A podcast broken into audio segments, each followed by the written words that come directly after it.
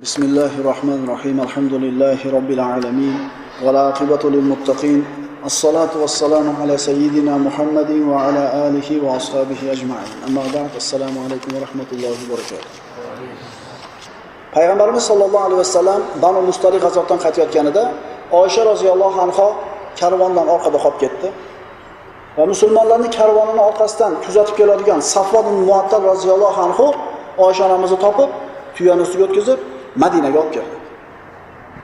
Madinaga kiraverishlikda o'tirar ekan abdulloh ibn ubay munofiqlarning kattasi. Shunda u juda bir og'ir habis so'zni aytdi. Zavjatu sohibikum ma sofvan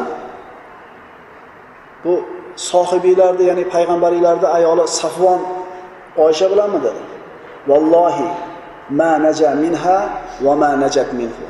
Allohga qasam dedi. U undan u undan omon qolmadi dedi. Bu bo'xton edi bu. Bu oysha roziyallohu anhoning sharafiga tan yetkazishlik edi bu alloh taolo aytgandek kalimatul ifk edi. Uning bu so'zi madinada tarqalishni boshladi. U ubay ibn salul zino bo'ldi deb aytmadi. Lekin gap ko'payib ko'payib borib odamlar eshitganiga qo'shib eshitganiga qo'shib hech kim tekshirmasdan oxiri zino qilishdi degan gap madinada tarqalib ketdi. Oysha roziyallohu anhu bu narsalardan bexabar edi. Madinaga kirib kelishi bilan betob bo'lib qoldi.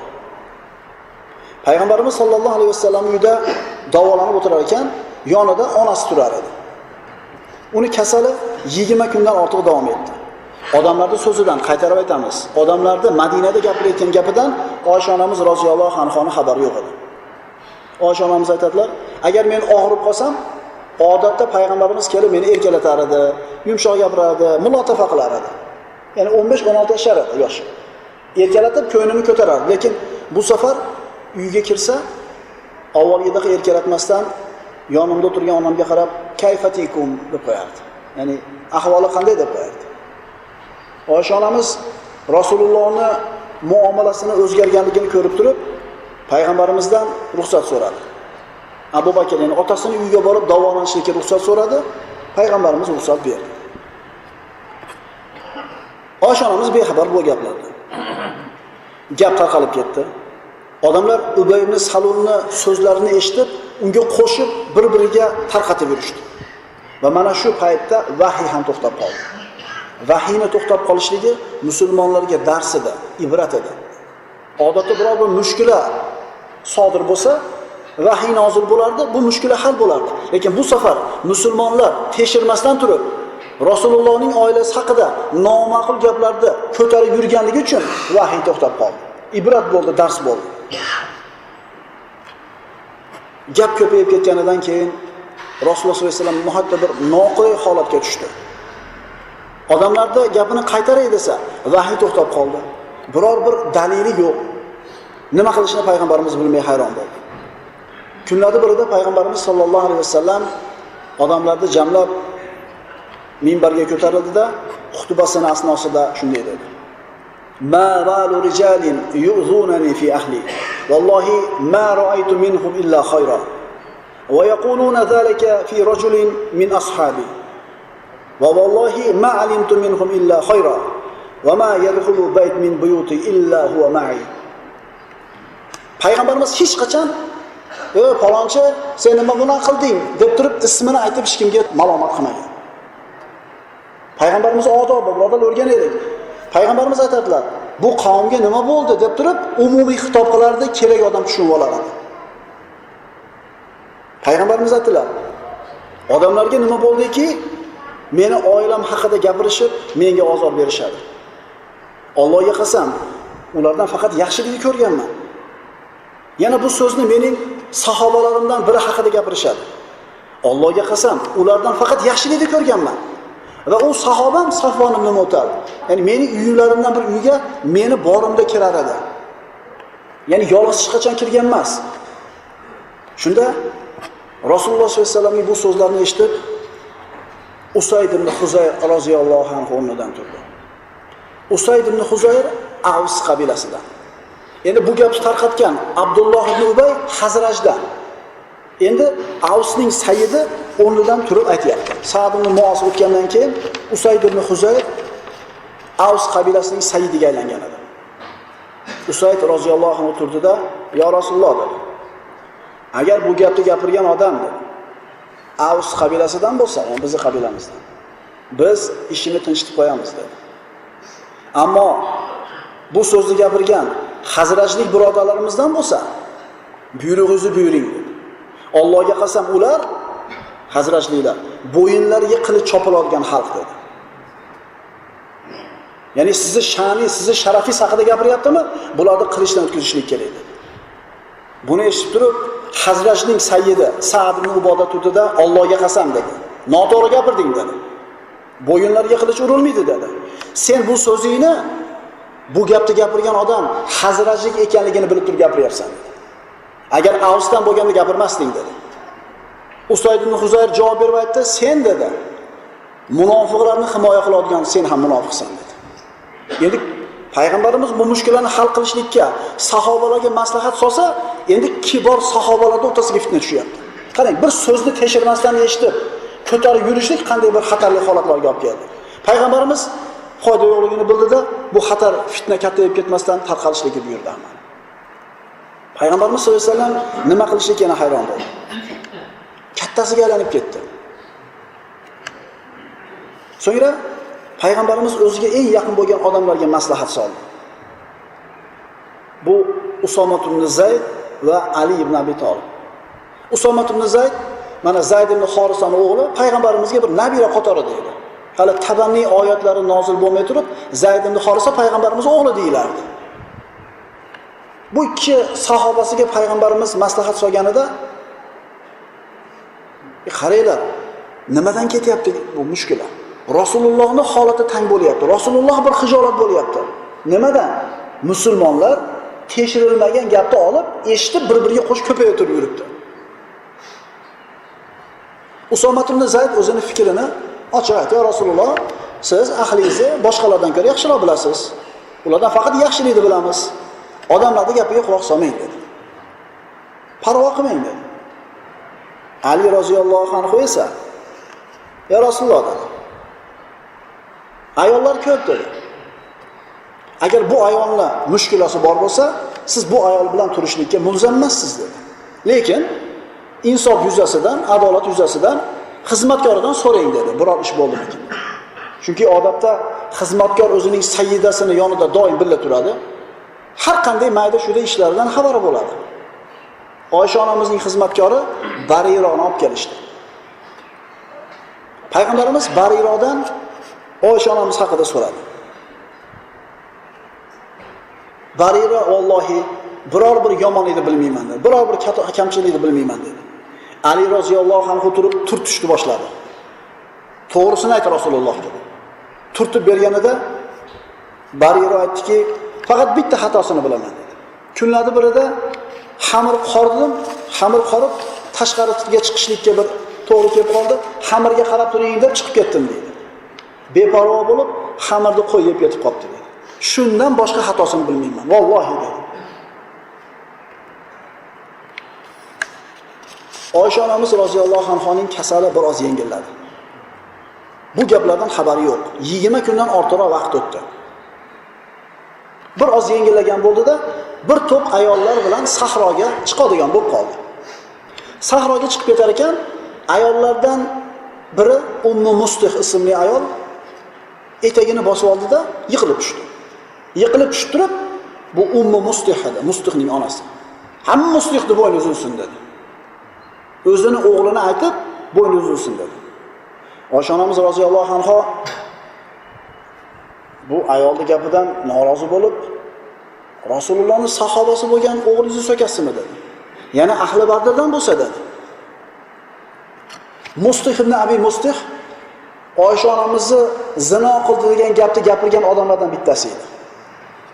Shayton vasvasa qilgan edi. Ahli Badr edi. Alloh taolo gunohlari kechirgan kishilardan edi. Lekin shayton mana shunday vasvasa qilgan edi. Ummu Mustih Oysha onamizni so'zini eshitib turib,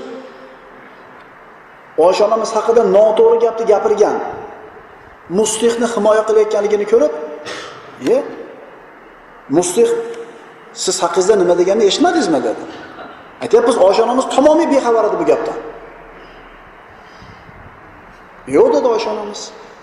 Shunda Ummu Mustih Oysha onamiz Madinaga kelgan kundan boshlab, mana shu 20 kundan ortiqroq muddatda Madinada nima gaplar bo'lgani, qanday gaplar yoyilganligi, sahobalarning o'rtasida qanday mushkulalar bo'lganligini hammasini aytib berdi. Oysha onamiz bu so'zni eshitgandan keyin uyga bordi. Aytadi, uyga qaytib borib, jigarim bo'linib ketgudek qattiq yig'ladim deydi. Chunki Abu Bakr ham, onasi ham Oysha onamizga bu xabarni aytmagan edi. Oysha onamiz xabar topganini bilib, payg'ambarimiz Oysha onamiz oldiga keldi. Birodarlar, nihoyatda bir qiyin holat bo'ldi.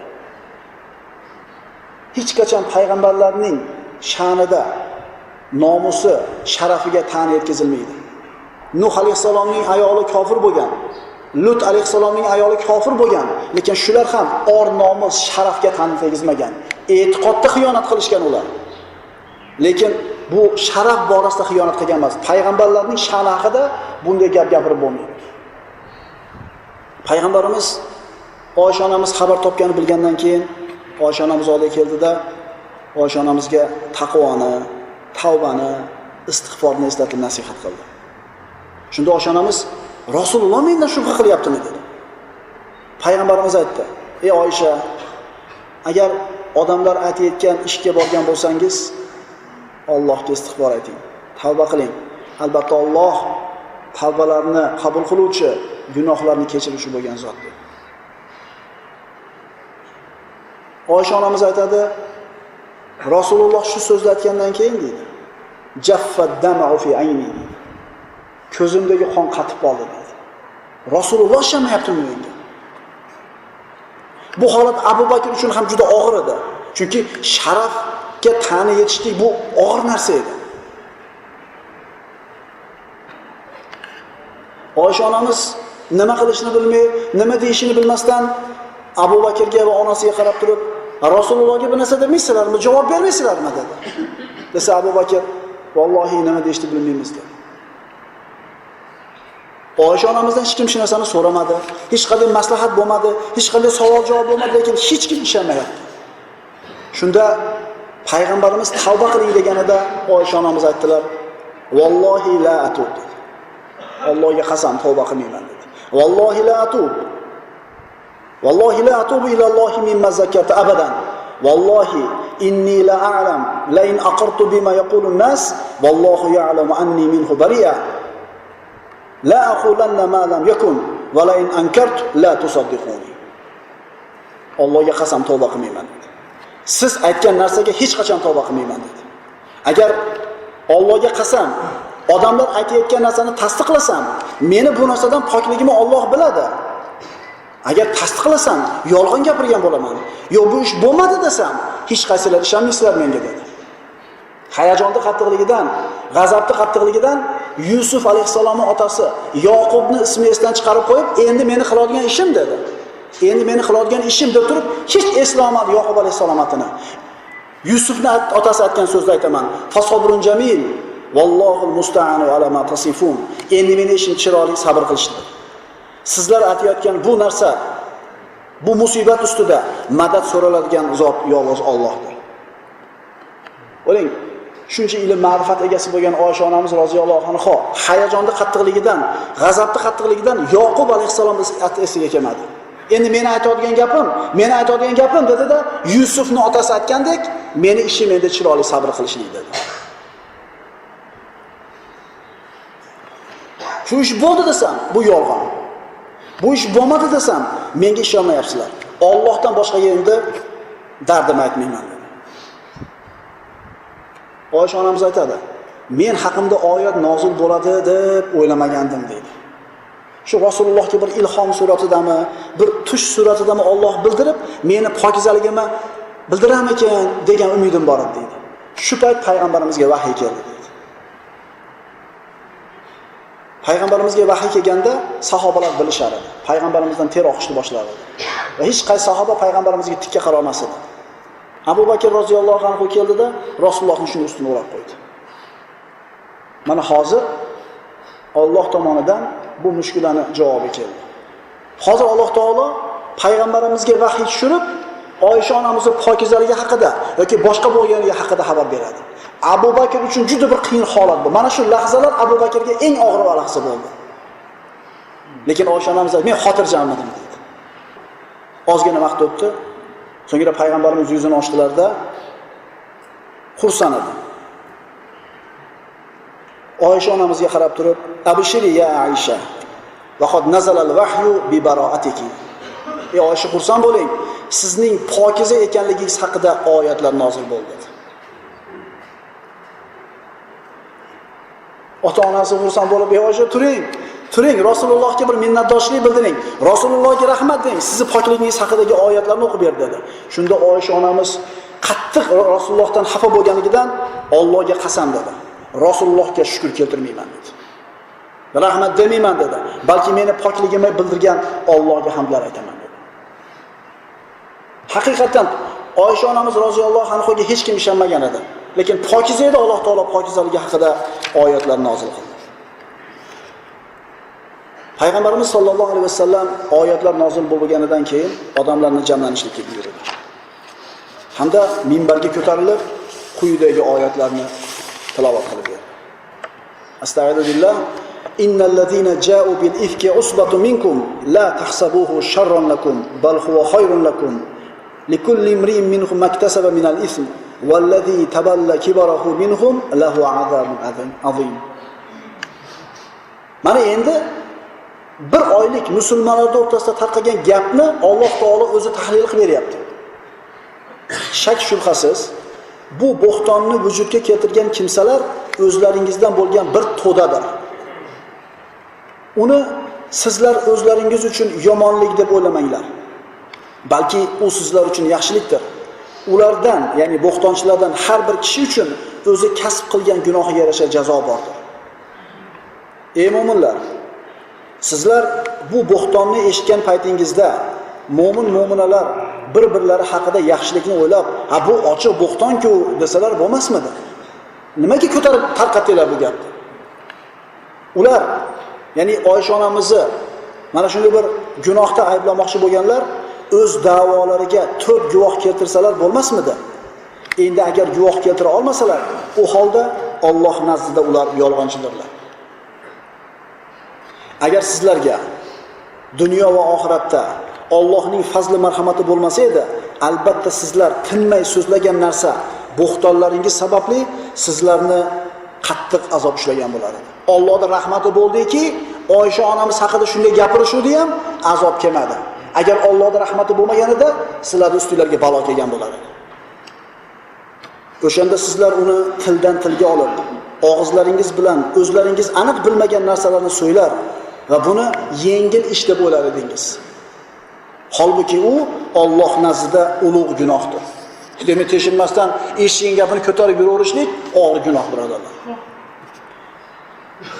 Uni eshitgan paytingizda bu mishmishni so'zlash biz uchun joiz emasdir. Ey pok Parvardigor, bu ulug' bo'xtonku desangiz bo'lmasmidi? Agar mo'min bo'lsangizlar, hargiz unga o'xshagan narsalarga qaytmaslaringizni Alloh sizlarga pand nasihat qilur va Alloh sizlarga o'z oyatlarini bayon qilur. Alloh ilm va hikmat sohibidir. Mana shu oyatlar asnosidagi oyat Innal ladina yuhibbuna an tashi'a al-fahishata fil ladina amanu lahum azabun alimun fid dunya wal akhirah wallohu ya'lamu wa antum la ta'lamun. Albatta iymon keltirgan kishilar o'rtasida buzuqliklar yoyilishini istaydigan kimsalar uchun dunyoda ham, oxiratda ham alamli azob bordir. Yana qaytarib o'qib beraman. Albatta iymon keltirgan kishilar orasida buzuqliklarni yoyilishini istaydigan kimsalar uchun ham dunyoda ham, oxiratda ham azob bor. Siz bilan biz o'rtamizda buzuqliklarni yoyilishini xohlayotgan odamlar kimlar hozir? Lekin ayni fahshni tarqatayotgan odamlar yaxshilar bilib qo'ysin. Musulmonlarning orasida buzuqlikni yoyilishiga sabab bo'ladigan odamlarga dunyoda ham oxiratda ham azob bor.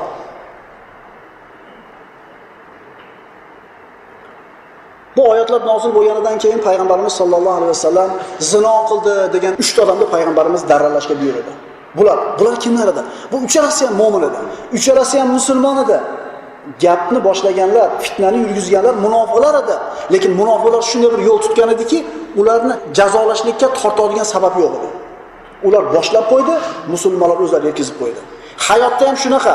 Fitnani yurgizadiganlar, fitnani qo'ziydiganlar boshlab qo'yib bir chekkaga chiqib turadi. Bu yoqda o'sha musulmonlar musibat chekaveradi. Munofiqlar gap tarqatishdi. Ulardan bittasi jazolanmadi. Jazolanganlar kim edi? Badrda qatnashgan Mustih ibn Abi Mustih daralandi. Hamna binti Jahsh daralandi. Bu payg'ambarimizning ayoli Zaynab binti Jahshning singlisi edi. Hamda payg'ambarimizning shoiri Hasson ibn Sobit roziyallohu anhu. Uchalasi ham musulmon, uchalasi ham munofiq emas. Lekin tillarini ushlash olmadi. O'zlarini ushlash olmadi, darralanishdi. Abdulloh ibn Ubay shu fitnani boshlagan Abdulloh ibn Ubayga hech qanday osiladigan biror bir tortadigan narsasi yo'q. Lekin hamma bilar edi Abdulloh ibn Ubay boshlaganligini. Alloh taolo u haqida alohida oyat nozil qildi. Vallazi tawalla kibrahu minhum lahu azabun azim. Ularning orasidagi gunohning kattasini ko'targan kimsa uchun ulug' azob bordir. Bu uchun alohida azob bor. Demak, dunyoda shu fitnani qilgan munofiq jazosini olmadimi? Demak, oxiratda bor bunga. Alloh subhanahu va taolo mana shu hadisul ifk voqeasida sahobalardan Abu Ayyub Ansoriy roziyallohu anhu ning mavqifini qilgan ishini maqtadi. Alloh aytadi: "Laula iz sami'tumuhu dhanna al-mu'minuna wal-mu'minat bi anfusihim khayra wa qalu hada ifkum mubin." Ey mu'minlar, sizlar bu bo'xtonni eshitgan paytingizda mo'min va mo'minalar bir-birlari haqida yaxshilikni o'ylab, "A bu ochiq bo'xtonku desalar bo'lmasmidi? Qaranglar, "O, qara shunaqa ekanmi? Bilmay yurgan ekanmiz." Qarang, shuncha yurgan ekan, sezmagan ekanmiz shunaqaligini E birodarlar, tuhmat u ehtimol. Alloh aytyapti mo'min mo'minalar bir-biri haqida yaxshi gumon qilsin. Bunaqa gapni eshitganda bu bo'xton u, devoraversin. Abu ayub Ansoriyning ayoli Umma ayub uyga keldida, "Ey Abu ayub odamlar Oysha haqida gapirayotgan gapdan xabaringiz bormi?" Odamlar Oysha va Safon haqida aytayotgan gapidan xabaringiz bormi dedi. "Xabarim bor" dedi. Ayoli, "Nima deysiz?" dedi. Dedi, Abu ayub aytdiki, "Ey Umma dedi. "O'sha ishni men qilarmidim?" dedi. "Yo'q" dedi. "O'sha ishni siz qilarmidingiz?" dedi. "Yo'q" dedi. "Savvon" dedi. Abu ayub mendan yaxshiroq dedi. Oyisha sizdan yaxshiroq dedi. Bu gapni gapirmaydi. Ya'ni ana shu gapni gapirishlikdan o'zini tilini tiydi, ayolini tiydi va mana shu jazodan omon qolishdi. Darsimizning nihoyasida Abu Bakr Siddiq roziyallohu anhu aytamiz. Oysha onamizga tuhmat so'zini aytganlardan Mustih ibn Abi Mustih Abu Bakrning qarindoshlaridan edi. Abu Bakr davlatman odam edi. Mustih faqir edi. Abu Bakr Mustihga xayr ehson qilib turar edi. Endi Oysha onamiz haqida gapirgan bu gapidan keyin meni shuncha yil qilgan ehson yaxshiligimni jazosi shumi dedi-da, qaytib senga yaxshilik qilmayman deb qasam ichdi. Shunda Alloh taolo oyatlar nozil qildi. Sizlardan fazl va keng mol, davlat egalari qarindoshlarga, miskinlarga va muhojirlarga Alloh yo'lida infoq ehson qilmaslikka qasam ichmasin. Balki ularni avf qilib kechirsinlar. Alloh sizlarni mag'firat qilishini istamaysizlarmi? Alloh mag'firatli, mehribondir. Bu oyatlar nozil bo'lganda Abu Bakr darrov tushundi. Darrov tushundi. Xohlayman Parvardigor dedi, qasamini bajarmadi. Qasamini buzdi. Qasamini kafforatini to'ladi, Mustih ibn Abi Mustihga yana ihsonini xayrini davom etkazdi. Qarang qanaqa odamlar bo'lgan. Oyat shu bo'lsa, darrov to'xtayapti. Darrov tuzalyapti. Bu Rasululloh tarbiya qilgan avlod bular. Bu fitna musulmonlarni ustida bir oy davom etdi. Vahiy to'xtadi. Da'vat ishlari to'xtadi. Boshqa hamma ishlar to'xtadi. Nima sabab? Fitna sabab. Shu tekshirilmagan gaplar tarqaldi. Musulmonlar orasida fitna yoyildi. Musulmonlarda tinchligiga, birligiga putur yetdi. Tekshirilmagan gaplarni ko'tarib yurish, pokiza ayollar sha'niga tuhmat qilish ulug' gunoh. Bu ishlar hijratning 6-yilda bo'lib o'tgan ishlardir. Aqulu qawli hada va astagfirulloh li va lakum. Assalomu alaykum va rahmatullohi va barakatuh.